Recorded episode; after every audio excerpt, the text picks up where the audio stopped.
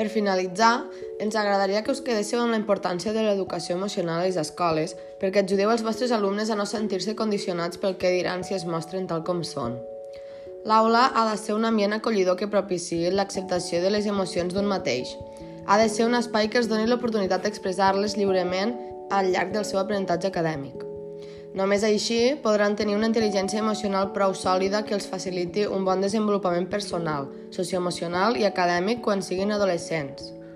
Ara sí que ens despedim. Esperem que us hagi resultat profitós aquest podcast i moltes gràcies per escoltar-nos.